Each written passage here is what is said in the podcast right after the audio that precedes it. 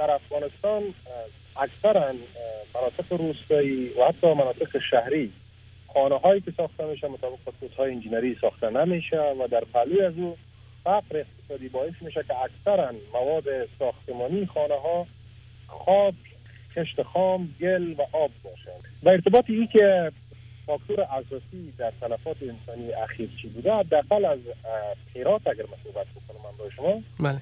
طی چل روز گذشته از طریق مطبوعات رسانه ها شبکه های نوشتاری و دیداری نقطه نظرات مشخص به ارتباط برای مردم شریک ساختیم و پشتاردهی های لازم کردیم.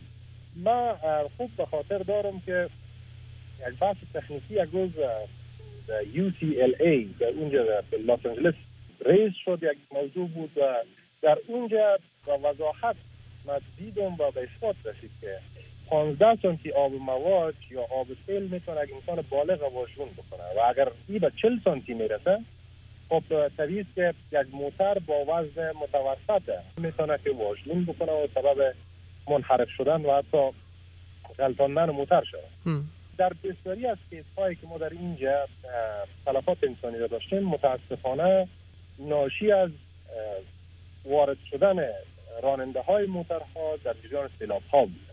یعنی وسایت نقلیه خود وارد جریان سیلاب ساختن و متاسفانه تعادل از دست رفته و مشغول شده و بالاخره سبب از بین رفتن انسان ها شد یک فاکتور دیگه که او ضعیفتر است نسبت به یعنی فروغلتیدن خانه های گلی ریزش سقف خانه ها و چپه شدن دیوارها.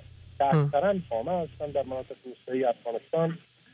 متاسفانه سبب تلفات انسانی شده ولی بسیار بسیار قلیل هست نخستین اقدامی که یک خانواده ساکن در یک منطقه که سیلاب دش میایه انجام بده شما بر از چی توصیه می‌کنن؟ پکیجی که شاید از نظر اقتصادی قابل فراهم باشه برای هر خانواده اینا یک زنبیل به کار دارن یک پلند بیل رسمان تعداد بوری خالی پلاستیکی دسکش دو سه جور موزه چنگک اینا وسایلی هستند که شاید ابتدایی به نظر برسه ولی در صورت مواجه شدن با سیلاب بسیار کارایی داره و موثریت از این اندازه زیاد هست که می‌تونه سبب نجات جان یک انسان شوه یا جان انسان ها شوه مثلا زمانی که آب داخل خانه ها نفوذ می‌کنه هیچ وسیله دیگه در اونجا کارایی نداره. اونو 50 یا 100 دانه بوری پلاستیکی خالی که داخل, داخل خانه خود دارن به شکل ذخیره.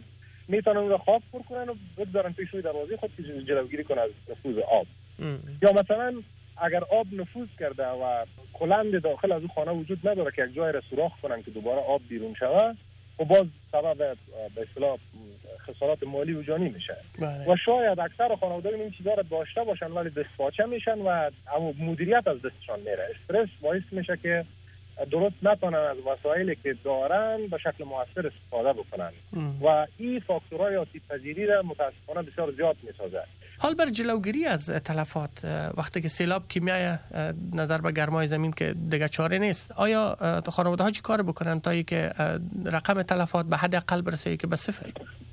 مدل های بسیار مشخص و تعریف شده وجود داره مدیریت شرایط اضطراری بر مبنای ظرفیت های جامعه این مدل بسیار واضح میگه که باید آگاهی دهی ها سطح آگاهی دهی عامه یا public awareness بلند بره و بالاخره جامعه از خطرات ماحول که در در, منطقه خاص جغرافیایی اونا رو تهدید می‌کنه آگاهی کامل داشته باشن. یک.